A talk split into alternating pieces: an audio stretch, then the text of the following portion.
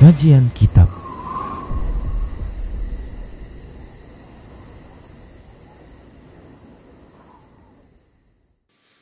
Bismillah, Assalamualaikum warahmatullahi wabarakatuh.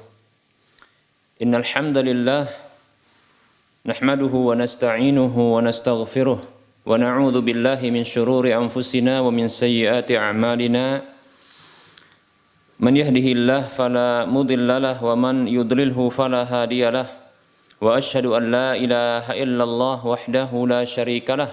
Wa ashhadu anna Muhammadan abduhu wa rasuluhu sallallahu alaihi wasallam.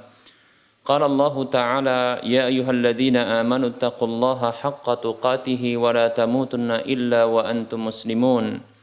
Ya ayyuhan nasu taqu rabbakum alladhi khalaqakum min nafsin wahidah وخلق منها زوجها وبث منهما رجالا كثيرا ونساء. واتقوا الله الذي تساءلون به والأرحام. إن الله كان عليكم رقيبا. يا أيها الذين آمنوا اتقوا الله وقولوا قولا سديدا. يصلح لكم أعمالكم ويغفر لكم ذنوبكم. ومن يطع الله ورسوله فقد فاز فوزا عظيما. أما بعد.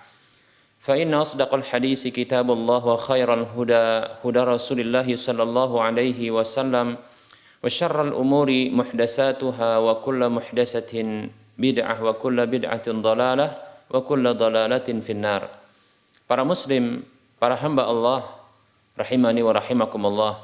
Kembali kita bersyukur kepada Allah Subhanahu wa taala atas semua nikmat dan kebaikan yang Allah Subhanahu wa taala telah berikan Kemudian selawat serta salam kita ucapkan untuk Nabi kita Muhammad sallallahu alaihi wasallam.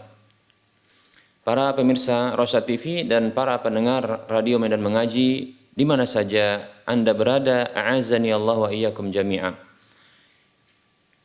Masih bersama dengan kitab yang membahas tentang akidah tauhid dan kita masih membahas tentang tauhidul asma was sifat tauhidul asma tauhidul asma'i was sifat yaitu mengesahkan Allah Subhanahu wa taala di dalam nama dan sifat-sifatnya dengan menetapkan nama dan sifat yang telah Allah Subhanahu wa taala tetapkan untuk dirinya di dalam kitab sucinya Al-Qur'an atau melalui lisan nabinya Muhammad sallallahu alaihi wasallam tanpa menyerupakan dengan makhluknya, tanpa mempertanyakan bagaimana bentuk aslinya, tanpa membayangkan bagaimana hakikatnya, tanpa menolak sebahagian darinya, dan tanpa merubah maknanya, merubah lafadznya kepada makna dan lafadz lainnya. Para muslim rahimani wa rahimakumullah. Berikutnya kita akan menjelaskan beberapa sifat yang telah Allah Subhanahu wa taala tetapkan untuk dirinya di antaranya sifat tersebut adalah al-ulu yaitu sifat ketinggian. Ulullahi ulullahi taala. Sifat ketinggian Allah taala. Perlu kita ketahui bahwasanya sifat Ketinggian bagi Allah Subhanahu wa taala ini terbagi menjadi dua yaitu ulu zat dan ulu sifat yaitu ketinggian zat Allah Subhanahu wa taala dan ketinggian sifat Allah Subhanahu wa taala. Terkait dengan ketinggian sifat Allah Subhanahu wa taala maksudnya bahwa Allah Subhanahu wa taala memiliki sifat-sifat yang maha sempurna sifat-sifat yang maha sempurna. Tidak ada satu sifat kesempurnaan kecuali Allah Subhanahu wa taala yang memilikinya. Sifat tersebut Allah Subhanahu wa taala memilikinya dan lebih sempurna ketimbang yang lainnya. Ini maksud dari sifat atau ulu sifat yaitu ketinggian Allah Subhanahu wa taala, ketinggian sifat Allah Subhanahu wa taala. Kita ulangi bahwasanya ketinggian Allah Subhanahu wa taala, sifat ketinggian Allah Subhanahu wa taala itu terbagi menjadi dua. Yang pertama adalah ketinggian sifat Allah Subhanahu wa taala, yang kedua adalah ketinggian zat Allah Subhanahu wa taala. Ketinggian sifat Allah Subhanahu wa taala maksudnya adalah tidak ada satupun sifat kesempurnaan melainkan Allah Subhanahu wa taala memiliki sifat tersebut uh, sifat tersebut lebih tinggi dan lebih sempurna. Allah Subhanahu wa taala berfirman dalam surah An-Nahlu ayat 60 A'udzu billahi minasyaitonir rajim walillahil masalul a'la. Dan Allah Subhanahu wa taala memiliki sifat-sifat yang maha tinggi, sifat-sifat yang maha tinggi. Demikian. Baik para muslim rahimani wa rahimakumullah. Sifat-sifat yang maha tinggi maksudnya adalah sifat-sifat yang maha sempurna yang tidak ada satu makhluk pun yang menyamainya. Walaupun makhluk tersebut memiliki sifat dari sisi penamaan yang sama. Seperti contohnya sifat pendengaran, sifat penglihatan, begitu juga sifat berbicara, sifat hidup, sifat mampu, dan seterusnya dari sifat-sifat Allah Subhanahu wa taala maka uh, uh, dan seterusnya dari sifat-sifat yang lainnya yang itu dimiliki oleh makhluk juga dimiliki oleh Allah Subhanahu wa taala maka Allah Subhanahu wa taala memiliki sifat yang maha tinggi lagi maha sempurna. Yang tidak ada satupun yang bisa menyamainya. Demikian para muslim rahimani warahmatullah. Makhluk memiliki sifat mendengar. Maka Allah Subhanahu wa taala memiliki sifat pendengaran yang maha tinggi lagi maha sempurna. Demikian. Yang kita tidak bisa membayangkan bagaimana bentuknya, yang kita tidak boleh mempertanyakan bagaimana bentuk aslinya. Dan kita tidak boleh menolaknya. Dan tidak boleh kita samakan dengan makhluknya. Dan tak boleh juga bagi kita untuk memalingkan kepada makna yang lainnya. Demikian. Baik para muslim rahimani rahmatullah, maka diberlakukan semua sifat-sifat Allah Subhanahu wa taala yang itu ada pada makhluk namun sifat Allah itu maha tinggi lagi maha sempurna. Demikian para muslim rahimani wa rahimakumullah.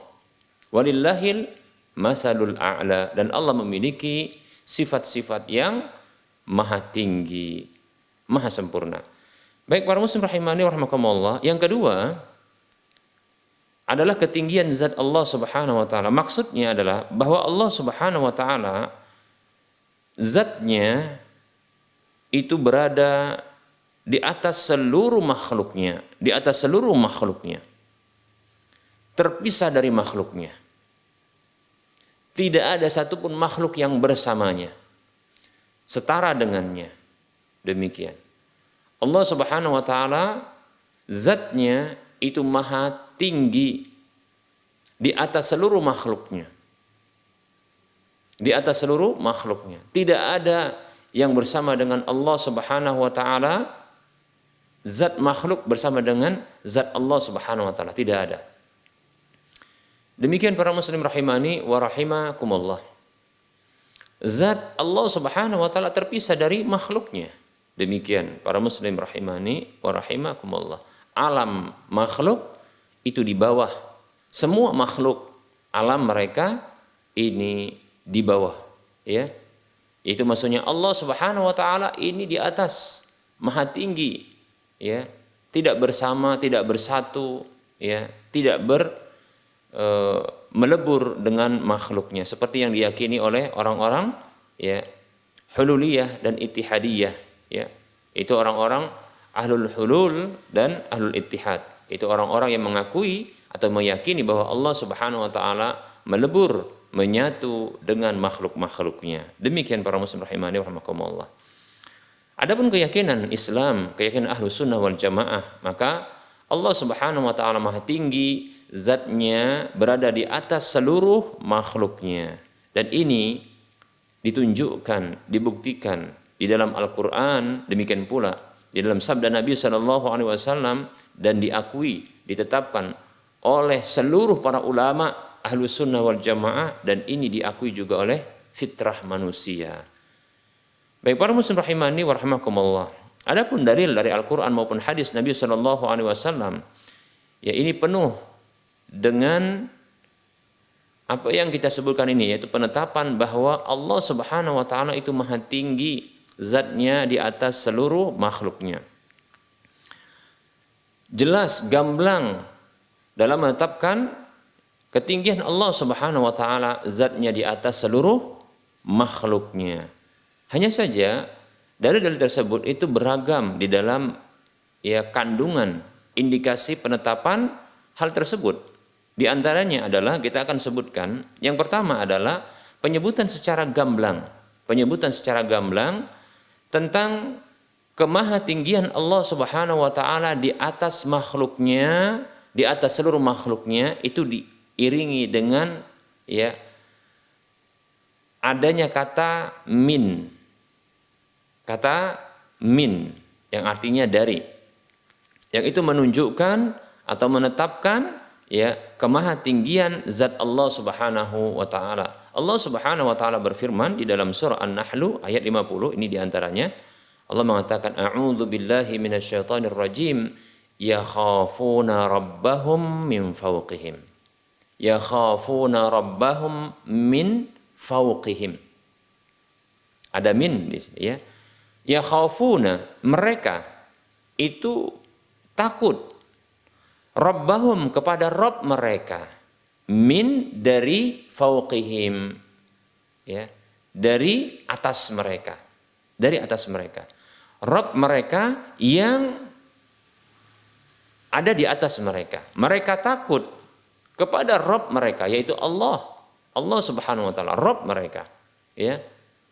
Rob mereka itu yang ada di atas mereka. Demikian para muslim rahimani wa rahimakumullah Nah ini jelas ya, jelas tentang kemahatinggian Allah Subhanahu wa taala di mana Allah Subhanahu wa taala menyebutkan secara jelas dan gamblang tentang kemahatinggian zatnya di atas seluruh makhluknya dan secara khusus ada penyebutan min.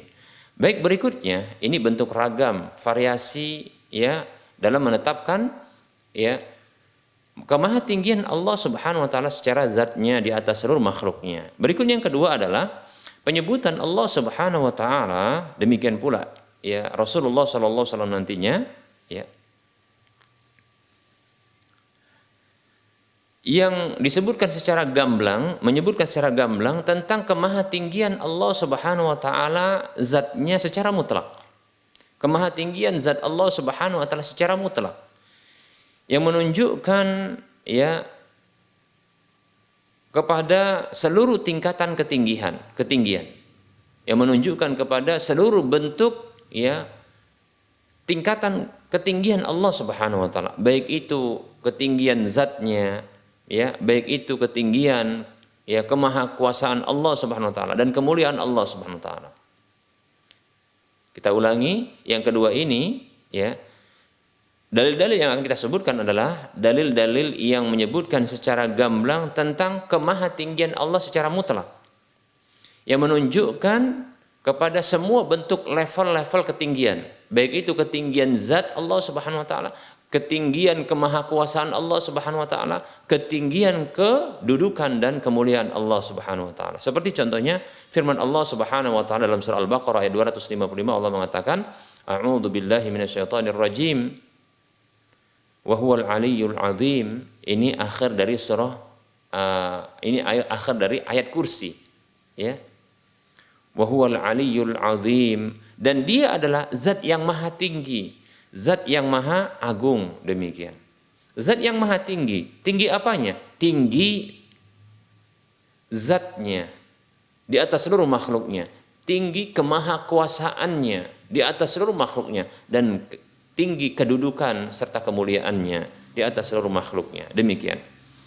Begitu juga ada hadis dari Nabi Shallallahu Alaihi Wasallam di mana Nabi kita Muhammad Shallallahu Alaihi Wasallam memberikan contoh dan mengajarkan kepada umatnya untuk membaca ketika dalam kondisi sujud ya di mana kondisi tersebut adalah kondisi yang paling rendah seluruh anggota badan kita sedang ya merendahkan diri di hadapan Allah Subhanahu wa taala. Yang ketika itu tanah itu menjadi sama rata dengan kening ya jadi ketika itu kening hidung tangan kedua tangan kedua kaki kedua lutut ini semuanya diratakan dengan tanah ya rata dengan tanah ya kemudian membaca sebuah bacaan zikir yang memuat tentang ketinggian Allah Subhanahu wa taala. Ini bentuk ya perendahan diri di hadapan Allah Subhanahu wa taala yang mengakui sekaligus mengakui kemahatinggian Allah Subhanahu wa taala. Kita di disyariatkan untuk membaca subhana rabbiyal a'la. Maha suci Rabbku, Tuhanku yang maha tinggi. Ketika seorang hamba dalam kondisi yang begitu menghinakan dirinya, hidung dan keningnya, kedua tangannya, kedua lututnya, serta kedua kakinya, itu diratakan, disamakan dengan tanah, permukaan tanah. Bersama dengan itu, ketika dia menghinakan dirinya, dia dianjurkan, disyariatkan untuk membaca sebuah zikir yang menunjukkan pensucian Allah yang maha tinggi. Subhana rabbiyal a'la. Maha suci Rabbku yang maha tinggi. Demikian para muslim rahimani wa rahimakumullah. Ya. Nah, ini bentuk pengagungan kepada Allah Subhanahu wa taala. Maka ketika seseorang ya dalam kondisi seperti ini yang dia menghinakan dirinya ya kepada zat yang maha agung, lagi maha tinggi, menghinakan dirinya dan anggota badannya, ya. di hadapan zat yang maha tinggi lagi maha agung. Dalam kondisi seperti ini, dia memuji Allah Subhanahu wa taala. Dia mensucikan Allah Subhanahu wa taala. Oleh karenanya doa ketika itu ya makbul. Ya, oleh karenanya Rasulullah wasallam pernah bersabda, aqrabu ma yakunul abdu min rabbih wa huwa sajid fa, fa du'a. Kondisi di mana seorang hamba paling dekat dengan Robnya adalah dalam kondisi sujud, adalah dalam kondisi sujud. Maka perbanyaklah doa ketika itu. Demikian. Baik para muslim rahimani wa rahimakumullah. Nah ini bentuk yang kedua. Kita akan sebutkan bentuk yang ketiga. Bentuk ragam di dalam menetapkan Allah subhanahu wa ta'ala zat yang maha tinggi. Kita akan sebutkan bentuk yang ketiga di mana dalil-dalil baik Al-Qur'an maupun hadis Nabi sallallahu alaihi wasallam, firman Allah dan sabda Rasulullah sallallahu alaihi wasallam yang menyebutkan secara gamblang jelas tentang Allah Subhanahu wa taala yang berada di dalam ketinggian, berada di dalam ketinggian. Seperti contohnya firman Allah Subhanahu wa taala dalam surah ya Al-Mulk ayat 16 Allah mengatakan A'udzu billahi minasyaitonir rajim. Aamintum man fis sama Aamintum man fis sama Di beberapa ayat ya. Aamintum man fis sama Apakah kalian merasa aman terhadap zat yang ada di as-sama? As-sama Maksud dari as-sama di sini adalah ya al-ala ya as-sama maksudnya adalah al-ala. Karena sama ini berasal dari kata berasal dari kata sama yasmu semuan samaan ya. Yaitu maknanya sama seperti ala ya'lu uluwan alaan. Ala ya'lu uluwan alaan yaitu artinya ketinggian jadi makna sama di sini maksudnya adalah ketinggian. Bukan seperti yang dipahami oleh sebahagian orang, maksud dari mafis sama di sini adalah as-sama, maksudnya adalah langit. Sedangkan fi ini maknanya dzarfiyah, ya, yaitu dzaraf yang menunjukkan tempat katanya. Demikian. Berarti menurutnya ya dia memahami bahwasanya Allah Subhanahu wa taala itu berada di langit yaitu berada di langit, diliputi oleh langit. Nah, ini merupakan keyakinan yang keliru. Ya, keyakinan yang keliru. Perlu kita ketahui bahwasanya para muslim rahimani rahimakumullah, tafsir ya terkait dengan amin man fis sama atau yang semisal dengan ini dalil-dalil yang semisal ini yang menyebutkan bahwasanya Allah itu fis sama ya yang makna fis sama Allah itu maksudnya fis sama seperti firman Allah ini surah Al-Mulk ayat 16 ya Allah itu fis sama maksud fis sama di sini maka ini ada dua tafsirnya yang pertama adalah fi fi itu bukanlah bermakna di dalam. Akan tetapi fi itu bermakna ala. Fi bermakna ala. Mungkin sebagian orang yang tidak memahami ini akan akan e, menyatakan bodohnya terhadap orang yang demikian. Kita katakan ini tafsir yang maksud dari salaf. Jadi fi itu bermakna ala, yaitu di atas. Ya, bukan maksudnya fi adalah di dalam dzarfiyah, dzaraf, keterangan e, tempat yang menunjukkan dia berada di dalamnya demikian. Kemudian as-sama ini bermakna as-sama al-mabniyah yaitu langit yang ketinggian yang dia dalam bentuk yang sudah diciptakan oleh Allah Subhanahu wa taala yaitu langit-langit yang lapis berlapis tujuh itu. Langit pertama sampai langit yang ketujuh demikian. Maka makna fi di sini adalah bermakna ala, yaitu di atas as-sama adalah kita terjemahkan dengan langit. Seperti itu. Ya. Maka tafsiran pertama ini ya menetapkan bahwa Allah itu di atas langit, bukan di dalam langit. Demikian. Ini tafsir yang pertama. Mungkin ada juga yang berkomentar, bagaimana kok fi fi yang artinya di dalam itu diterjemahkan dengan atau ditafsirkan dengan ala demikian ya maka kita sampaikan ya bahwa ada ungkapan di dalam Al-Qur'an yang fi itu bermakna ala Allah sendiri ya Allah sendiri bahkan sebagian orang itu memahami bahwasanya ya yang memahami bahasa Arab bahwasanya fi itu bermakna Allah. Contohnya adalah firman Allah Subhanahu wa taala di beberapa ayat Allah mengatakan fasihu fil ardi fanduru kaifa kana aqibatul mukadzibin. Fasih fasiru fil ardi ada yang begitu. Fasihu fil ardi juga ada yang begitu, ya. Fasiru fil ardi berjalanlah fil ardi. Fil ardi berjalanlah fil ardi. Fil ardi. Bila dimaksudkan fi itu adalah bermakna di dalam, ya di dalamnya, al ardi itu maksudnya adalah bumi, berarti perintah berjalan ini ini adalah masuk ke lorong-lorong bumi, ya ke tanah demikian. Namun tidak demikian maksudnya dan orang yang memahaminya, ya dan kita lihat bila di dalam terjemahan-terjemahan itu, itu maksudnya berjalanlah di permukaan bumi. bumi. Maksudnya di atas buminya. Jadi fi itu bermakna ala. Fanduru kaifakana akibatul mukadzibin. Dan lihatlah. ya Berjalanlah di permukaan bumi. Lalu lihatlah bagaimana hasil dampak akhir, dampak keburukan bagi orang-orang yang mendustakan. Demikian. Baik, jadi fi itu bermakna Allah. As-sama itu bermakna langit. Maka firman Allah ini dan nanti yang semisalnya dari dalil-dalil yang sahih ya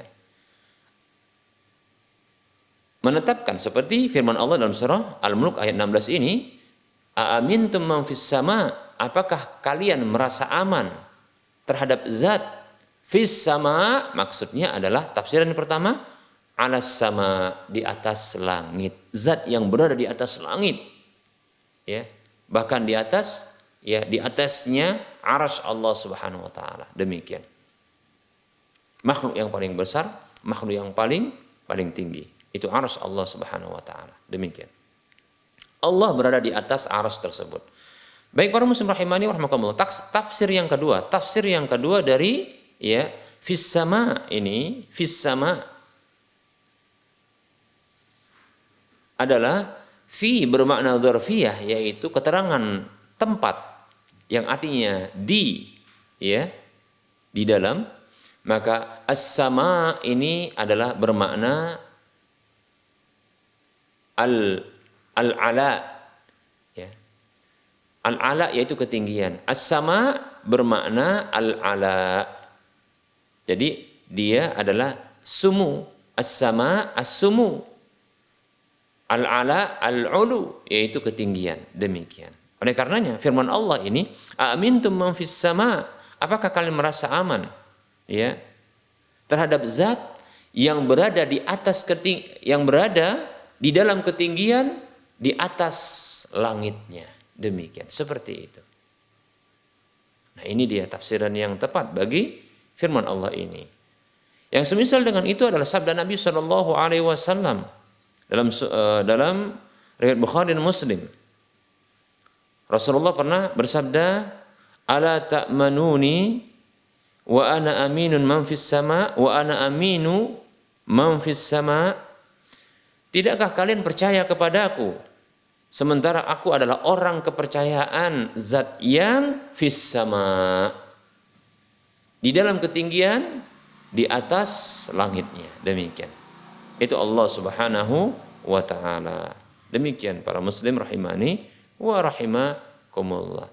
Hal yang sama juga ketika ada seorang budak wanita, yaitu budak wanita milik dari Al-Muawiyah bin Al-Hakam. Yang ketika itu dia ingin bebaskan karena dia telah melakukan kesalahan terhadap budak tersebut.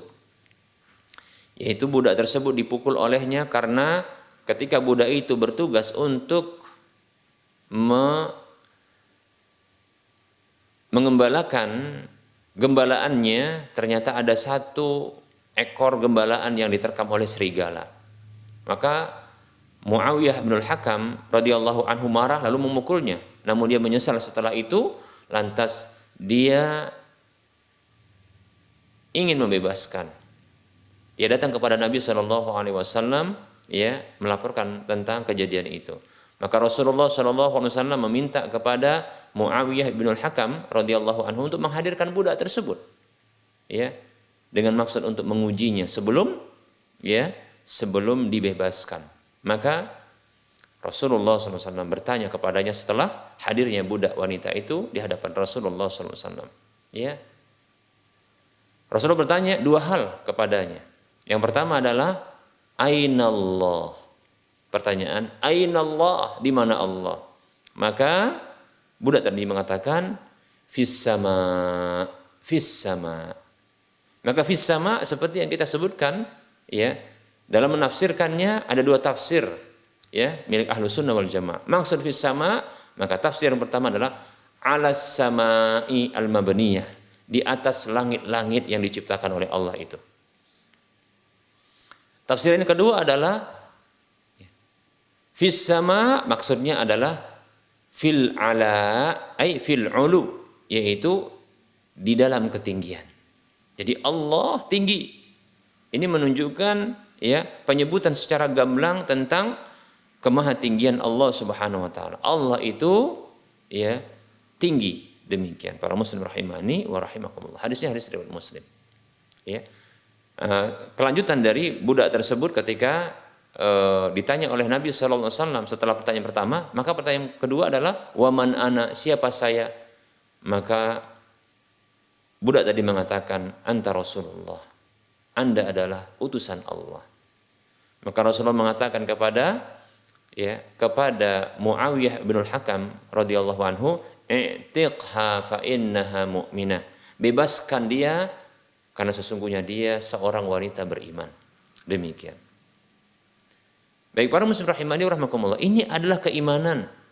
Keimanan yang ditetapkan oleh Nabi Shallallahu alaihi wasallam. Jadi di antara bentuk keimanan adalah mengimani Allah Subhanahu wa taala itu di atas langit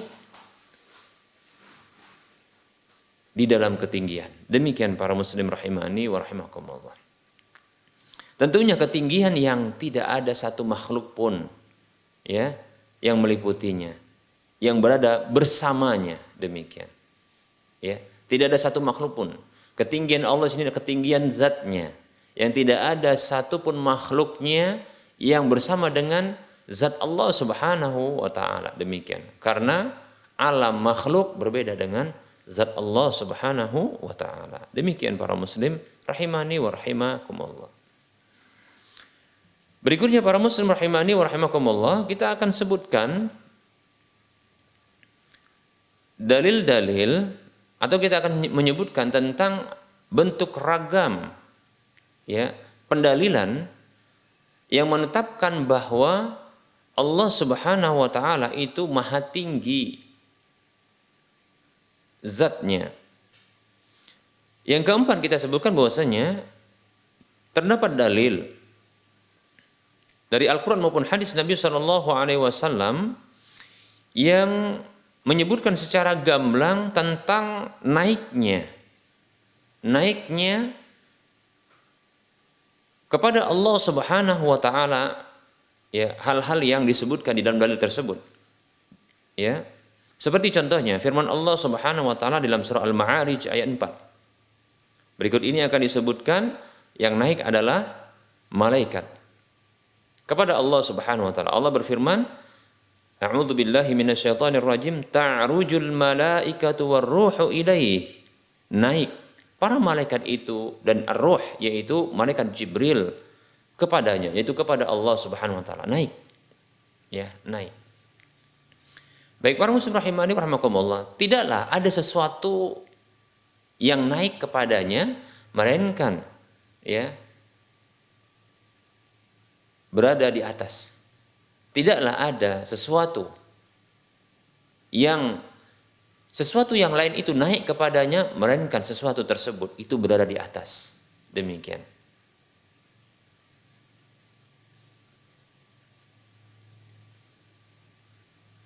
Baik para muslim rahimani warahmatullah seperti ungkapan seseorang ya saya naik menuju kamar atas. Kan begitu maka berarti dia naik tangga Nah, ungkapan ini menunjukkan bahwasanya kamar tersebut berada di atas. Kita katakan dengan bahasa yang lain. Ya. Saya naik pohon untuk mengambil buah. Ya. Saya naik ya. Saya naik pohon untuk mengambil buah. Maka tidaklah seseorang itu naik pohon untuk mengambil buah ya tidak seseorang yang mengucapkan seperti ini, melainkan kondisi buah itu berada di atasnya. Seperti itu. Ini logis. Ya. Ini penyebutan yang gamblang. Ya. Mudah untuk dipahami. Demikian para muslim rahimani warahmatullah. Nah ini tentunya ketika para malaikat yang pemimpin mereka di antaranya ya yang di, yang pemimpin mereka itu di antara malaikat itu ada pemimpin mereka yaitu malaikat Jibril alaihissalam juga naik itu menuju Allah Subhanahu wa taala. Maka tentunya Allah Subhanahu wa taala itu berada di atas dia berada di atas mereka. Demikian para muslim rahimani wa rahimakumullah. Begitu juga firman Allah Subhanahu wa taala surah Fatir ayat 10 Allah mengatakan a'udzu billahi minasyaitonir rajim ilaihi yas'adul kalimut tayyibu. Kepadanya lah itu kepada Allah Subhanahu wa taala. Yas'adul kalimut tayyibu. Naik kalimat ungkapan yang baik itu. Seperti zikir doa ya ungkapan la ilaha illallah. Naik kepadanya itu kepada Allah. Nah tentunya ini menunjukkan bahwasanya Allah Subhanahu wa taala berada di atas di atas para makhluknya. Demikian para muslim rahimani wa rahimakumullah. Begitu juga ya tentang penyebutan di dalam dalil hadis. Dalam Al-Qur'an juga disebutkan ya, dalam hadis juga disebutkan. Kita menyebutkan dalil dari hadis ya, di mana hadis yang begitu panjang menyebutkan tentang ya mi'rajnya Nabi sallallahu alaihi wasallam menuju Allah Subhanahu wa taala ya yaitu hadis tentang Isra dan Mi'raj. Yaitu perjalanan Nabi Shallallahu Alaihi Wasallam dari Mekah ke Baitul Maqdis kemudian baru Mi'raj naik ke langit. Demikian para muslim rahimani warahmatullah naik ke langit ini ke mana menuju Allah Subhanahu Wa Taala. Ya para muslim rahimani wa rahimakumullah. Nah ini menunjukkan bahwasanya Allah Subhanahu wa taala berada di di atas Kalaulah seandainya para muslim rahimani warahmatullah Allah Subhanahu wa taala berada di mana-mana. Ya. Allah Subhanahu wa taala tidak tidak memiliki tempat. Maka untuk apa Allah Subhanahu wa taala ya mengundang nabinya Muhammad wasallam dengan kisah yang begitu menakjubkan ini sampai menuju langit lalu bertemu dengan Allah Subhanahu wa taala. Dan sampai-sampai ya ada e, pertanyaan yang diajukan oleh istri beliau yang tercinta yaitu Aisyah radhiyallahu anha ya. Ketika malaikat Jibril pun tidak bisa bertemu dengan Allah Subhanahu wa taala ya. Ketika sudah naik ke langit yang ketujuh kemudian ke Sidratul Muntaha malaikat Jibril tidak bisa menyertai karena tidak diizinkan oleh Allah Subhanahu wa taala ya. Ketika itu sudah dekat dengan Allah Subhanahu wa taala dan tentunya tidak menyatu antara ya makhluk makhluk-makhluknya termasuk Rasulullah dengan Allah Subhanahu wa taala. Pertanyaan Aisyah radhiyallahu anha, istri beliau yang tercinta, ya, yaitu apakah Anda melihat Rob Anda? Wahai Rasulullah, tidakkah Anda melihat Rob Anda? Kira-kira demikian. Ya. Maka Rasulullah mengatakan, nurun fa'anna arahu. Nur ada cahaya, gimana? Bagaimana bisa melihat melihatnya? Ya.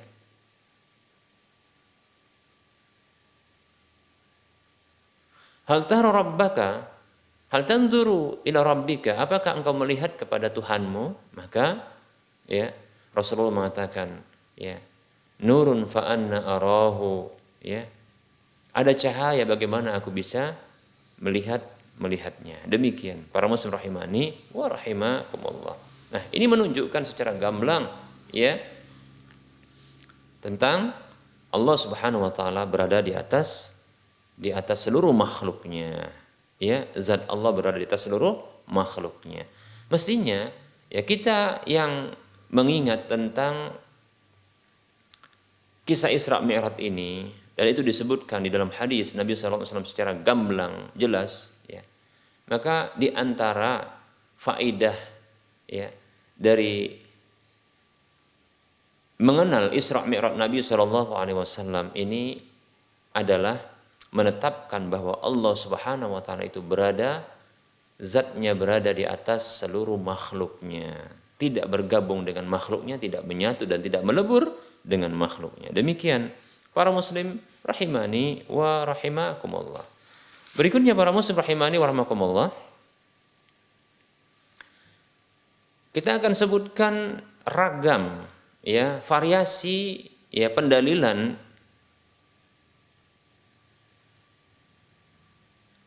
dari Al-Quran maupun hadis Nabi Shallallahu Alaihi Wasallam. Namun ini kita akan sebutkan uh, dari Al-Quran saja, ya, bahwa Allah Subhanahu Wa Taala itu berada zatnya di atas seluruh makhluknya. Yaitu penyebutan secara gamblang ini yang kelima, penyebutan secara gamblang dan jelas di mana Allah Subhanahu wa taala menurunkan kitabnya, kitab sucinya kepada hamba-hambanya. Demikian. Begitu juga turunnya Jibril alaihissalam ya dengan membawa Al-Qur'an. Nah, tentunya turun para muslim rahimani rahimakumullah ya. Turun ini menurut orang-orang yang berakal adalah ya turun dari ketinggian menuju bawah. Demikian ya. Baik para muslim rahimani warahmatullah nah ketika Allah subhanahu wa taala mengatakan dalam surah al-baqarah ayat 4 contohnya Allah mengatakan a'udzu billahi minasyaitonir rajim walladzina yu'minuna bima unzila ilaika wa ma unzila min qablik dan orang-orang yang mereka beriman ya dengan wahyu yang diturunkan kepadamu dan wahyu yang diturunkan ya kepada orang-orang sebelummu. Itu wahyu Al-Qur'an maupun kitab-kitab suci yang Allah turunkan ya dari Allah Subhanahu wa taala kepada hambanya menunjukkan bahwa ya zat yang menurunkan itu berada di atas. Demikian para muslim rahimani wa rahimakumullah seperti contohnya seseorang mengatakan, ya, ya, turunkan ya, turunkan barang-barang, turunkan barang-barang itu. Maka ungkapan ini adalah ya menunjukkan bahwasanya ungkapan tersebut diarahkan kepada orang yang berada ya, yang berada di atas. Turunkan barang-barang yang ada di sisimu itu. Ya, turunkan barang-barang yang ada di sisimu itu. Artinya bahwa orang tersebut yang diajak bicara ini adalah berada di atas orang ini. Lalu dia pun menurunkan barang-barangnya. Seperti itu. Ini satu yang mudah untuk dicerna dan dipahami oleh akal. Demikian para muslim rahimani wa. Begitu juga firman Allah Subhanahu wa taala dalam surah An-Nahl ayat 102 Allah mengatakan, A'udzu billahi minasyaitonir rajim. Qul nazzalahu ruhul qudusi min rabbik. Katakan Muhammad sallallahu alaihi wasallam, ya. Ruhul Qudus maksudnya adalah Jibril alaihissalam. Itu nazzalahu ya nazzalahu menurunkannya. Ruhul Qudus yaitu malaikat Jibril menurunkannya yaitu kitab suci atau wahyu itu min rabbik dari Rabbmu. Menunjukkan bahwasanya Allah memang berada di atas Baik para muslim rahimani wa rahimakumullah. Berikutnya kita akan sebutkan ya bentuk ragam penetapan bahwasanya Allah Subhanahu wa taala berada di atas di atas seluruh makhluknya. Ya. Yaitu penyebutan secara gamblang tentang turunnya Allah Subhanahu wa taala ke langit dunia setiap malam. Dan ini disebutkan dalam kitab Sahih Bukhari dan Sahih Muslim. Yang ini berasal dari Nabi Shallallahu Alaihi Wasallam. Allah dinyatakan oleh Nabi Shallallahu Alaihi Wasallam turun ke langit dunia.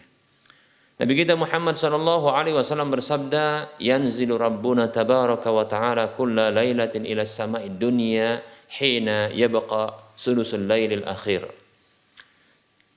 Hina yabqa sulusul lailil akhir. Fayaqulu man yad'uni fa'astajiba lahu wa man yas'aluni fa'atiyahu fa'atiyahu wa man yastaghfiruni fa'aghfir lahu. Hadis riwayat Bukhari dan Muslim hatta yatlu'a al-fajru. Kata Nabi sallallahu alaihi wasallam, ya, turun Rabb kita tabaraka wa taala, itu Allah Subhanahu wa taala ke langit dunia setiap malamnya ketika tersisa malam itu sepertiga akhirnya. Lalu Allah Subhanahu wa taala berfirman, "Siapa yang mau berdoa kepadaku sehingga aku kabulkan? Siapa yang mau meminta kepadaku sehingga aku penuhi permintaannya dan siapa yang mau memohon ampun kepadaku sehingga aku ampunkan. Demikian. Dan itu sampai sampai terbitnya fajar. Hadis ini mutawatir ya. Hadis dari Bukhari dan Muslim. Demikian para muslim rahimani wa rahimakumullah. Baik. Mungkin ada yang mencoba untuk ya memahami hadis ini Perlu kita ketahui, ya, hadis ini di penggalan awalnya ini berbicara tentang perkara yang gaib, yaitu sifat turunnya Allah Subhanahu wa taala ke langit dunia setiap malam. Ketika malam itu tersisa sepertiga akhirnya. Penggalan berikutnya menetapkan bahwa tentang tentang apa? Tentang motivasi untuk berdoa, meminta kepada Allah. Demikian. Baik para muslim rahimani wa rahmakumullah. Ketika berbicara seperti yang pernah kita tetapkan, ketika berbicara tentang perkara-perkara yang gaib, di antaranya adalah sifat-sifat Allah Subhanahu wa taala, maka jangan gunakan akal untuk mencerna dan memahaminya, namun gunakan hati untuk mengimaninya dan meyakininya. Demikian. Bagi orang yang berusaha untuk ya atau bagi orang yang te, yang yang telah mentakwil takwil yang suka mentakwil takwil ya maka mereka berusaha untuk mencerna dan memahami hadis ini terkhusus adalah permasalahan tentang sifat turun Allah Subhanahu wa taala mereka berusaha untuk memikirkannya bagaimana jika Allah Subhanahu wa taala turun di setiap malam Ketika malam itu sepertiga, tersisa sepertiga akhirnya. Ke langit dunia Allah turun. Sementara malam itu menurut penelitian itu terus sepertiga akhir malam itu bergerak. Lalu mereka pun berpikir kalau demikian berarti Allah tidak akan naik-naik. Turun terus. Demikian. Seperti itu. Lalu turunnya bagaimana? Kalau sudah turun berarti menyatu dengan makhluknya karena ke langit dunia. Karena langit dunia itu langit pertama, langit kedua, langit ketiga, langit keempat, berarti di atas Allah. Lihat, ini adalah bentuk takyif. Membayangkan bagaimana bentuknya. Ini bentuk penyimpangan. Bahkan dia berusaha untuk tamsil menyerupakan Allah dengan makhluknya.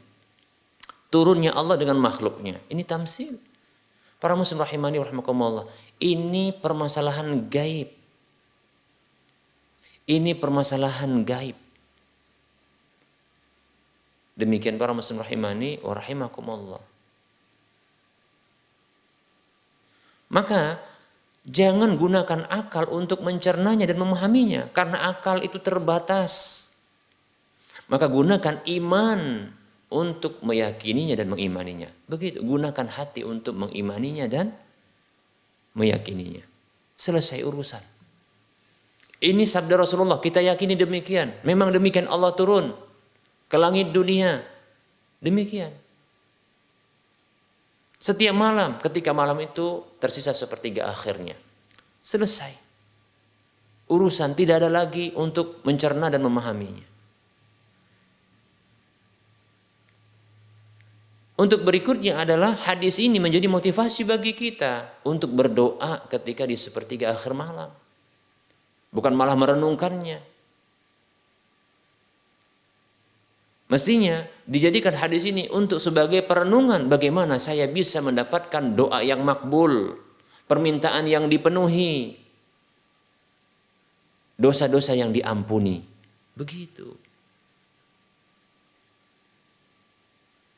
Bukan malah menjadikan akal itu melakukan sebuah tindakan yang di luar kemampuannya. Demikian para muslim rahimani wa rahimakumullah.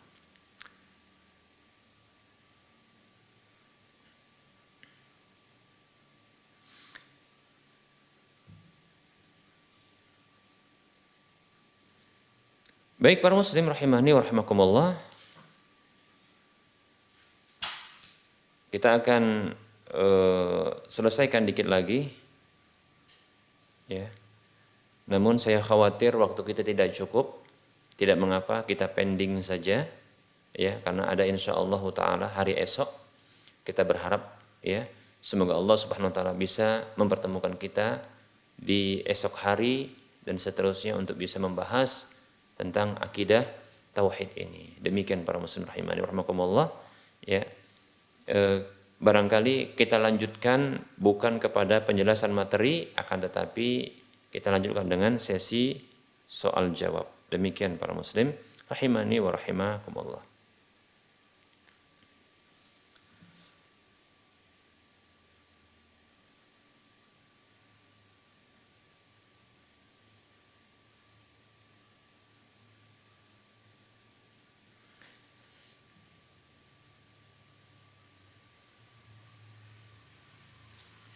Baik, ada pertanyaan. Assalamualaikum Ustadz. Waalaikumsalam warahmatullahi wabarakatuh. Maaf Ustadz, saya punya pertanyaan dari teman saya. Tapi saya tidak punya ilmu untuk menjawabnya. Jika anak perempuan menikah, kemudian masuk agama lain, disebutkan di sini eh, nama agamanya, kita sebutkan saja masuk agama lain, berarti murtad. Apakah orang tua di akhirat akan bertanggung jawab juga? Terima kasih Ustaz. Jazakallahu khaira. Baik para muslim rahimani warahmatullah. Nah, tentunya ini harus dengan rincian ya. Dengan rincian. Nah, bila tentunya orang tua menjadi penyebab utama, menjadi penyebab pendorong untuk anak tersebut masuk pendorong langsung ceritanya ini ya. Yang kita katakan adalah orang tua menjadi penyebab dan pendorong langsung. Ya.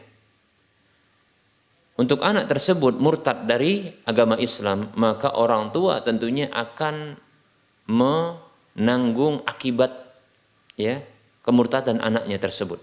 Demikian. Kalau menjadi penyebab langsung. Ya, menjadi penyebab langsung. Demikian para muslim rahimani warahmatullah. Ya. Tapi adakah orang tua yang menjadi penyebab langsung? Baik para muslim rahimani warahmatullah, kalau orang tua orang tua tersebut adalah orang tua yang muslim dan baik agamanya, insya Allah tentunya tidak, ya, tentunya tidak. Rasulullah Shallallahu Alaihi Wasallam bersabda, "Man da'a hudan kana lahu minal ajri mislu ujuri man tabi'ahu la yanqusu dzalika min ujurihim syai'a." Wa man da'a ila dalalatin kana alaihi minal ismi mislu asami man tabi'ahu la yanqusu dzalika min asamim syai'a. Hadis riwayat Bukhari Muslim. Kata Nabi Shallallahu alaihi wasallam, siapa saja yang mengajak kepada petunjuk kebenaran, maka dia mendapatkan pahala dari orang-orang yang mengikutinya tanpa mengurangi pahala tanpa mengurangi pahala orang yang mengikutinya tersebut. Dan siapa saja yang mengikuti dan siapa saja yang mengajak kepada kesesatan ya tentunya kekufuran ini. Dia ajak dia dorong dia motivasi ya. Dia perintahkan. Maka dia mendapatkan dosa dari dosa orang yang mengikutinya itu mengikuti petunjuknya mengikuti ya perintahnya mengikuti ya nasihatnya tentunya nasihat keburukan tentunya kan begitu ya. Maka dia mendapatkan dosa dari dosa orang yang mengikutinya tanpa mengurangi dosanya demikian seperti itu ya. Baik ini rincian yang pertama tentunya ya bila orang tuanya menjadi penyebab langsung. Bagaimana apabila orang tuanya tersebut tidak menjadi penyebab tidak langsung tapi akhirnya akan menjadikan anak tersebut ya ternyata uh, jatuh ke dalam kesesatan ya bahkan kemurtadan demikian. Baik para muslim rahimani rahimakumullah sebesar maka kita katakan sebesar ya sumbangsih apakah sumbangsih ini bentuknya karena kelalaian ya karena kurang perhatian ya kurang didikan yang itu menjadi kewajiban orang tua maka sebesar itu orang tua menanggungnya. Seperti contohnya ya orang tua lalai dan abai terhadap pendidik, pendidikan anak. Ketika dia anak ini berada di bawah pengawasan pendidikannya ketika pendidikan masih kecil ya apakah diberikan pendidikan agama yang cukup sampai dewasanya? Seperti itu. Demikian. Begitu juga anak wanita ini apakah dia ketika hendak menikah adakah orang tua ini yang mengikuti petunjuk Rasulullah Shallallahu Alaihi Wasallam yang Rasulullah bersabda Shallallahu Alaihi Wasallam? Ida ja'akum man tardawna dinahu wa khuluqahu fazawijuhu atau fa'ankihuhu fa illam taf'alu takun fitnatun fil ardi au fasadun arid. Atau kama qala sallallahu alaihi wasallam. Kata Nabi sallallahu alaihi wasallam apabila datang kepada kalian orang yang kalian ridhoi agamanya dan akhlaknya, apakah orang tua ketika hendak menikahkan putrinya ini apakah sudah menseleksi orang yang datang tersebut ya dengan melihat agamanya bagus agamanya atau bagus akhlaknya bila ternyata zahirnya bagus agama dan akhlaknya dan itu sudah dibuktikan contohnya tapi ternyata orang ini lihai. Orang ini jago di dalam menyembunyikan ya hakikat dirinya yang ternyata ingin menikahi ya putri seorang muslim adalah untuk membawanya kepada agamanya. Kalau ini tidak diketahui oleh orang tua, maka tidak ada dosa bagi orang tua yang tidak mengetahuinya. Karena dia sudah melakukan ya upaya untuk melihat agamanya dan melihat akhlaknya. Demikian. Seperti itu. Apabila datang kepada kalian kata Rasulullah SAW orang yang kalian ridhoi agama dan akhlaknya, maka nikahkanlah ia dengannya. Kalau kalian tidak lakukan maka akan terjadi ya bala di permukaan bumi ini dan kerusakan yang parah demikian. Baik para muslim rahimani wa rahimakumullah. Tentunya demikian. Ya. Nah, kalau orang tua contohnya sudah memberikan pendidikan yang cukup, yang cukup, ya tidak ada apa namanya tidak ada eh, kekurangan insya Allah taala ya dicarikan juga jodoh yang yang cukup bagus agama dan akhlaknya. Demikian. Di mana ya ternyata jodohnya ini juga belajar di pesantren. Walaupun diketahui contohnya mualaf contohnya. Belajar di pesantren. Bagus agamanya. Ternyata dia sembunyikan ya tujuan busuknya. Demikian ya. Maka dan berhasil contohnya menjadikan sang putrinya ini menantunya ini menjadikan istrinya yaitu putrinya putri dari orang tua ini ini menjadi murtad. Nah ini di luar kemampuan orang tua. Dan insya Allah taala orang tua tidak akan mendapatkan ya keburukan ya dampak buruknya. Demikian para muslim rahimani wa rahimakumullah. Wallahu taala alam.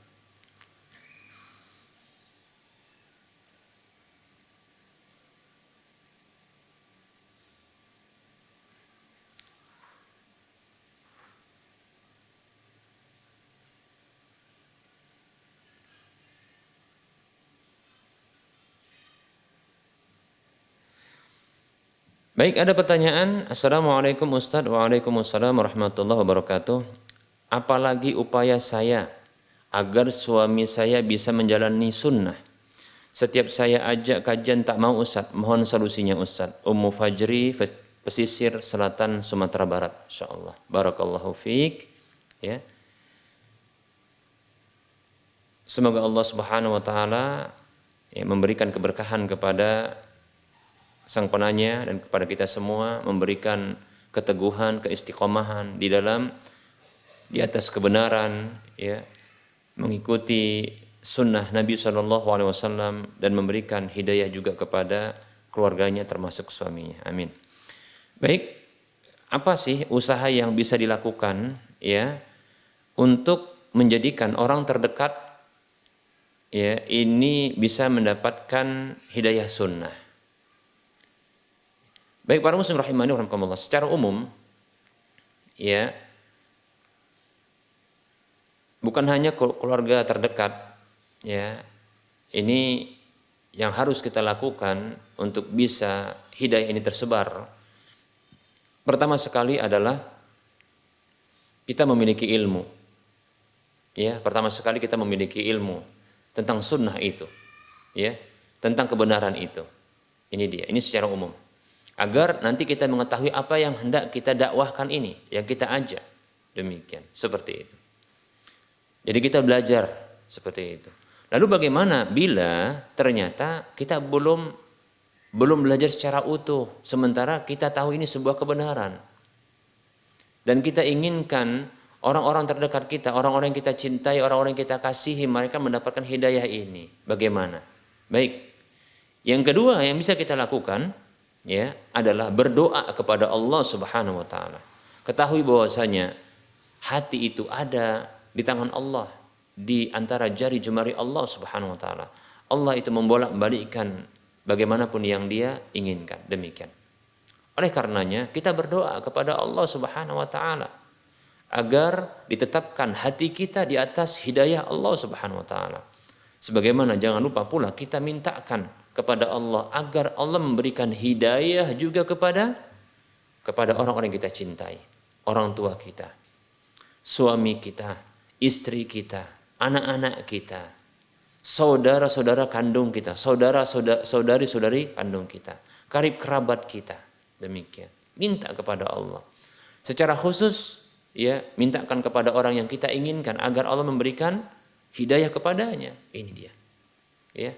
Makanya ada doa yang berbunyi seperti ini, ya muqallibal qulub, sabbit qalbi ala dinik. Wahai yang membolak-balikkan hati, tetapkanlah hatiku di atas ya agamamu. Demikian. Ya musarrifal qulub sarrif qalbi ala ta'atik. Ya. Wahai zat yang memalingkan hati palingkanlah hatiku di atas ketaatan kepadamu. Ya. Walaupun doa ini adalah doa-doa untuk keteguhan ya. Maka minta kepada Allah Subhanahu wa taala doa agar hidayah itu bisa diberikan kepada suami contohnya, istri contohnya demikian. Secara khusus tidak perlu dengan bahasa Arab, bahasa Indonesia. Ya. Silahkan dengan bahasa Indonesia. Atau kalau ini Sumatera Barat maka mungkin dengan bahasa Padang yang santun dan lembut meminta kepada Allah Subhanahu wa taala seperti itu. Silahkan minta kepada Allah. Dengan menangis tentunya, ya. Dengan yakin bahwasanya Allah akan memberikan hidayah. Dengan adab-adab doa seperti itu. Demikian ya. Ketuk ya pintu Allah pintu hidayah Allah Subhanahu wa taala. Lalu minta akan hidayah itu agar bisa diberikan kepada orang-orang kita cintai. Dan ditetapkan hidayah itu kepada diri kita dan kepada mereka demikian para muslim rahimani warahmatullah kemudian secara khusus sang penanya karena seorang istri maka Ya. Berikutnya yang ketiga adalah jadilah istri yang solehah. Istri yang solehah yang memenuhi hak-hak suami. Taati perintah suami, keinginan suami dalam hal-hal yang tidak bertentangan dengan aturan Allah Subhanahu wa taala. Yang tidak bertentangan dengan ketetapan Allah Subhanahu wa taala yang tidak dimurkai oleh Allah Subhanahu wa taala. Demikian. Penuhi. Penuhi tanpa banyak bertanya, tanpa berkeluh kesah. Demikian.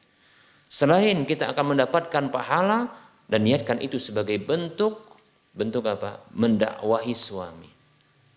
Secara logis, seorang suami ya, ketika mungkin mendapatkan istrinya dahulu ketika di awal nikah, tentunya saya menduga dengan kuat bahwasanya barangkali sang penanya ini dahulunya bukanlah ya orang yang barangkali jauh-jauh dari suaminya dari sisi ya kualitas keagamaannya. Mungkin saat inilah baru mendapatkan hidayah atau beberapa waktu yang lalu atau sudah lama. Namun bukan dari asalnya mengenal ya hidayah sunnah, hidayah ya mengikuti petunjuk Nabi Wasallam di dalam agama. Nah, sang suami dia akan merasakan secara fitrahnya demikian pula secara logikanya bahwasanya istri dia akan berpikir dahulu ketika dia mungkin biasa seperti dirinya didapatkan karakter-karakter yang mungkin jauh dari harapan sifat-sifat yang masih jauh dari keinginan namun ketika sudah belajar agama mengenal tentang petunjuk Nabi Shallallahu Alaihi Wasallam, ya, tentunya ada perubahan. Maka perubahan ini harus ya memberikan manfaat bagi diri orang yang berubah demikian pula bagi orang sekitarnya. Akhlak mulai bagus, ya, hak-hak mulai dipenuhi, saling menutup aurat ketika keluar rumah, ya, akidah sudah dibenahi, demikian. Akhlak pun diiringi untuk adanya perubahan padanya, ya berbicara yang lembut kepada suami, santun kepada orang tua, sayang kepada anak-anak, demikian. Seperti itu. Tidak banyak merepet kata orang Medan. Ya. Berbicara ya hal-hal yang baik saja, membicarakan hal-hal yang baik saja. Kalau tidak maka diam. Banyak tersenyum, ya. Demikian. Melakukan sesuatu dengan sukarela, dengan senang hati, pekerjaan rumah yang itu merupakan bentuk ibadah seperti itu ya maka tentunya sang suami ini akan berpikir tak mungkin ya tak mungkin suami ya dia tidak akan berpikir dia punya hati dia punya akal hatinya akan merasa akalnya akan mencerna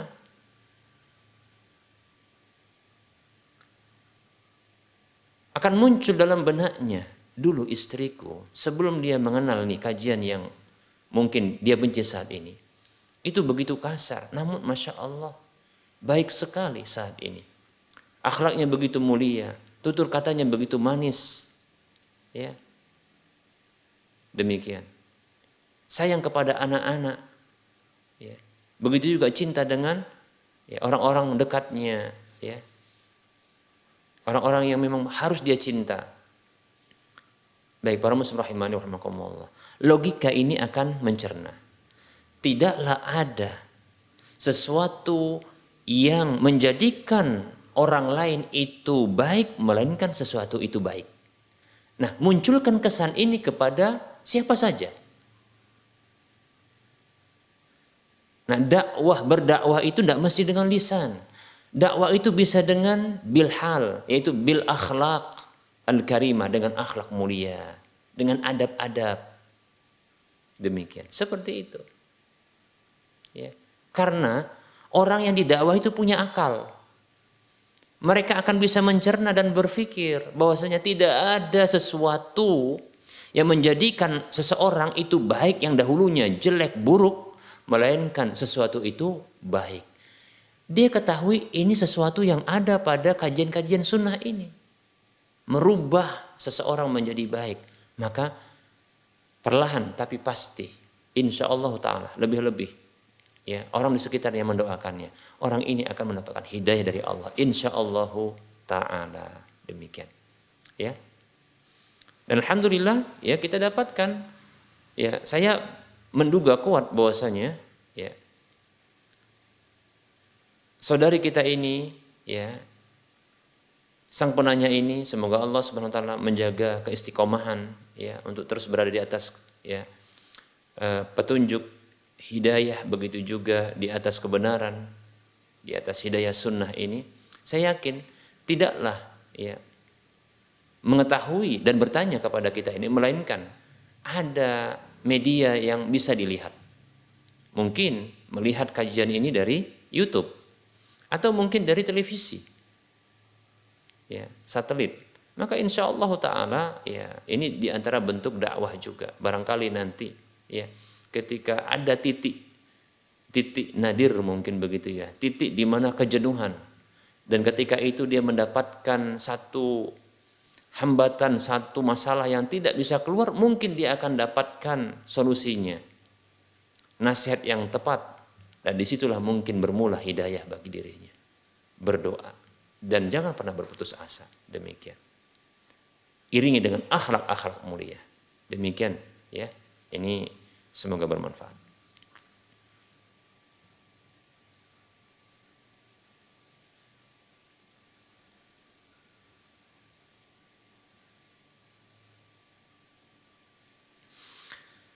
Ada pertanyaan, Assalamualaikum. Waalaikumsalam warahmatullahi Pak Ustadz, bagaimana cara kita mendidik anak agar anak tersebut menjadi anak yang soleh seperti yang kita harapkan? Baik, Waalaikumsalam warahmatullahi wabarakatuh. Tentunya kalau dari awal ya, ini dimulai dengan pemilihan pasangan hidup yang yang soleh atau soleha. Ya tentunya ya kalau bahasa kita bibitnya begitu ya, itu harus dipilih. Nah, begitu ya. Jadi milih apa? Pendamping itu harus dilihat juga ya bibitnya.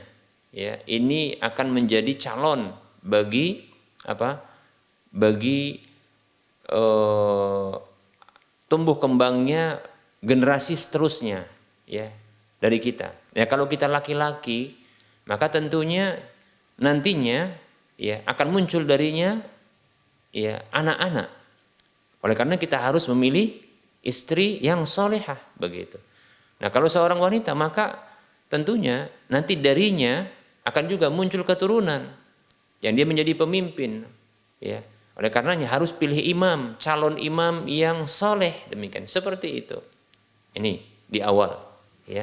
Kemudian ya berikutnya di dalam contohnya e, proses ya e, mungkin e, kehamilan seperti itu juga harus dilihat ya lebih banyak ya dilakukan amal-amal soleh. Karena ketika itu sedang penurunan ya genetik, proses genetika ya itu mengalir kepada anak tersebut ketika anak itu berada dalam kandungan. Demikian. Maka ini juga harus diperhatikan. Banyak, banyak melakukan amal-amal soleh. Kalau seorang ya orang tua menginginkan agar anak tersebut bisa menghafal Quran maka ketika itu banyak-banyak mempelajari Al-Quran berinteraksi dengan Al-Quran membaca Al-Quran. Seperti itu. Ya? Demikian. Seperti itu. Kalau ingin contohnya anak tersebut berbakti sama orang tuanya, maka perbanyak ketika itu bakti dengan orang tua yang masih hidup. Sering datang berkunjung memberikan hadiah begitu. Ya. Bergantian contohnya orang tua sang suami juga demikian, ya dikunjungi. Ya, begitu juga didukung oleh istri. Nah, sebaliknya juga demikian. Sang suami mendukung ya agar sang istri berbakti kepada orang tuanya. Demikian seperti itu. Walaupun dengan jarak yang jauh terpisah ya dengan jarak mereka. Demikian bisa ya dengan memberikan hadiah, bertegur sapa lewat media sosial atau telepon demikian dan seterusnya. Demikian ya. Dan jangan lupa doa, doa, doa untuk anak, doa untuk anak ya Berdoa lebih-lebih doa orang tua adalah makbul. Doa yang diajarkan oleh Nabi yang saleh, ya. Nabi Allah Subhanahu wa taala, "Rabbi habli minas salihin." Wahai Rabbku, karuniakan untukku anak-anak dari anak-anak yang soleh. Demikian. Seperti itu. Doa seperti ini. Minta anak yang soleh Selain jadikan diri kita sebagai anak yang soleh di hadapan orang tua kita, maka akan mengalir secara genetik, ya, dan Allah akan balas, ya, kebaikannya. Itu dengan cara dijadikan anaknya anak yang soleh. Demikian seperti itu. Walaupun orang tua sudah wafat, maka tidak masalah berbakti dengan melakukan amal-amal soleh. Maka insya Allah Taala anak-anak ini kelak pun, walaupun saat ini mungkin kita belum meridhoi akhlaknya, tapi kelak ya anak ini Allah akan jadikan ya sebagai anak yang soleh walaupun kita tak melihatnya. Mungkin sudah wafat kita. Kenapa? Karena kita telah ya melakukan sebuah bakti kepada orang tua kita. Bakti kepada kedua orang tua kita kita lakukan walaupun sang anak tidak melihat kita. Kita lakukan bakti kepada orang tua kita, maka Allah akan balas karena memang dunia ini berbalas Al jaza min jinsil amal, balasan itu dari jenis amalnya. Bakti dibalas bakti. Berbuat baik dibalas kebaikan. Ya, berbuat kebaikan dibalas kebaikan. Berbuat keburukan dibalas keburukan bila tidak dimaafkan. Demikian.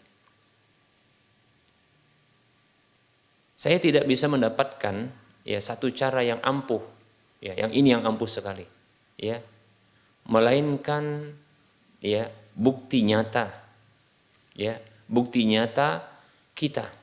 Perhatian dengan anak, memperhatikan pendidikan agamanya, kemudian berikutnya kita praktekkan agama itu pada diri kita. Bagaimana kita berbakti kepada kedua orang tua kita, maka anak ini akan menyaksikan dan melihatnya. Bila pun tidak melihatnya, anak-anak kita tidak melihat melihat bakti kita kepada orang tua kita, sesungguhnya Allah tidaklah lupa Allah tidak lupa dengan kebaikan ini. Maka Allah akan jadikan anak-anak kita itu berbakti kepada kita. Insya Allah Ta'ala. Demikian. Walaupun saat ini ketika kita hidup kita belum bisa meridhoi sikap anak dan karakter anak. Namun mungkin ya setelah wafat kita. Dan ketahui itu karena kesalahan kita, mungkin kesalahan pendidikan kita, juga dikarenakan kita abai terhadap hak-hak orang tua kita, yaitu bakti kita kepada mereka. Demikian. Wallahu taala a'lam.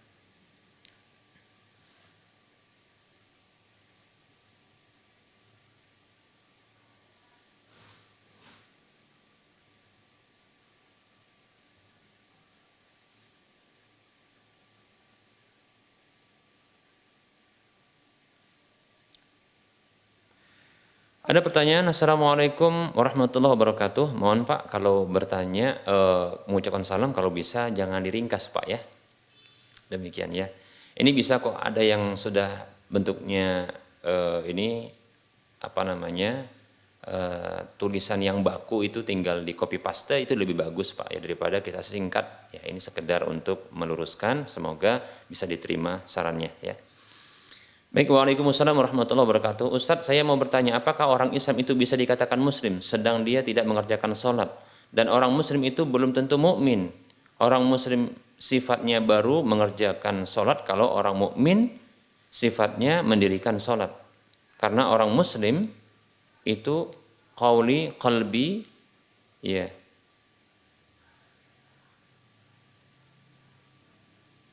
Kemudian satu tujuan belum sinkron. Kalau orang mukmin perbuatan perkataannya hatinya sinkron seiring. Apakah orang Islam itu harus seperti itu Pak Ustaz? Mohon jawabannya, penjelasannya. Orang mukmin sudah pasti dia beriman, ya. Orang arti iman diniatkan di hati, diucapkan dengan lisan, dikerjakan dengan perbuatan. Mohon maaf Pak Ustaz, kalau pertanyaan sud, uh, saya uh, kalau salah maka diluruskan. Pak Idris dari Depok. Maaf Pak ya, ini agak sedikit panjang sekali. Baik, saya akan jawab dengan ringkas bahwasanya betul bahwasanya ya tingkatan dalam Islam itu ada tiga yang ini pernah ditanyakan oleh Jibril kepada Nabi Shallallahu Alaihi Wasallam. Yang pertama adalah Islam, ya iman, baru ihsan. Memang seseorang yang dia Islam, ya belum tentu dia sampai ke level iman, ya belum juga ber e, sampai kepada level ihsan demikian, ya. Jadi orang orang Orang yang beriman dengan iman yang benar, maka dia sudah pasti orang Islam demikian. Ini tingkatan dalam tingkatan, ya. Adapun orang yang ihsan, maka dia sudah pasti punya iman dan saya seorang muslim demikian ya, seperti itu. Namun ini bukan berarti kita menghilangkan ya keimanan dari seorang muslim. Orang yang Islam tentunya dia punya iman, tapi asal iman tentunya ya, dan tak boleh kita untuk mengkafirkannya seperti itu. Ya, tidak boleh kita mengkafirkan seorang muslim karena tentunya dia punya asal iman insya Allah taala sesuai dengan zahirnya demikian. Hanya saja apakah dia memiliki e, iman yang sempurna? Belum tentu. Ya belum tentu, ya. Orang yang memiliki iman yang sempurna maka nanti nantinya dia akan melampaui kepada sampai kepada level ihsan. Demikian. Dan ini belum kita bahas pembahasan ini ya, seperti itu. Jadi betul ini level-level tapi saya ingatkan bahwasanya bukan berarti seorang muslim Islam yang Islam itu bukan dia tidak punya iman, dia punya iman disebut dengan asal iman. Ya, pondasi imannya ada. Hanya saja apakah dia setelah sempurna imannya? Nah, di sini ya, belum. Ya. Demikian. Ya. Ada orang yang mengatakan amanah kami beriman padahal baru masuk Islam. Maka tentu belum karena imannya belum sempurna. Maka dia dikatakan aslamna kami ini adalah orang Islam. Karena untuk menjadi orang yang beriman ini punya proses. Proses pembiasaan proses terus dia belajar terus terus sampai nanti dia punya iman. Bahkan nanti setelah itu akan masuk proses kepada tingkatan berikutnya yaitu menjadi seorang muhsin, orang yang punya tingkatan ihsan, masuk kepada tingkatan ihsan. Sekali lagi saya ingatkan, bukan berarti ketika seorang muslim yang baru masuk Islam itu tidak ada imannya, ya. Seperti itu. Apakah orang yang tidak sholat itu dia bukan seorang mukmin? Maka kita katakan insya Allah Taala selagi dohirnya kita lihat dia orang Islam, dia punya asal iman, walaupun mungkin kecil ataupun sedikit. Yang jelas adalah kita yakini dia seorang yang muslim ya dan punya iman tapi asal iman. Walaupun dia tidak sholat. Para ulama berbeda pendapat tentang hukum orang yang meninggalkan sholat. Ada yang mengatakan kafir, ada yang mengatakan masih muslim, mukmin demikian. Ya seperti itu. Saya condong bahwasanya pendapat yang kuat adalah dia masih mukmin, muslim. Ya, yaitu seorang muslim yang punya asal imannya demikian, ya. Seperti itu. Demikian wallahu taala alam barangkali kita cukupkan dulu kajian kita pada pertemuan kali ini ya. Insyaallah taala kita akan bertemu pada waktu berikutnya. Dan ini mendekati waktu sholat ya zuhur di wilayah Medan. Kita cukupkan dan tentunya ada kekurangan dan kesalahan serta kekeliruan dalam penyampaian. Saya mohon maaf Kepada Allah saya mohon ampun, kepada para pemirsa dan para pendengar sekalian saya mohon dimaafkan. Wassallallahu ala Muhammad wa ala alihi wa ashabihi ajma'in. Subhanakallahumma wa bihamdika asyhadu an la ilaha illa anta astaghfiruka wa atubu ilaika. Alamin. Wassalamualaikum warahmatullahi wabarakatuh.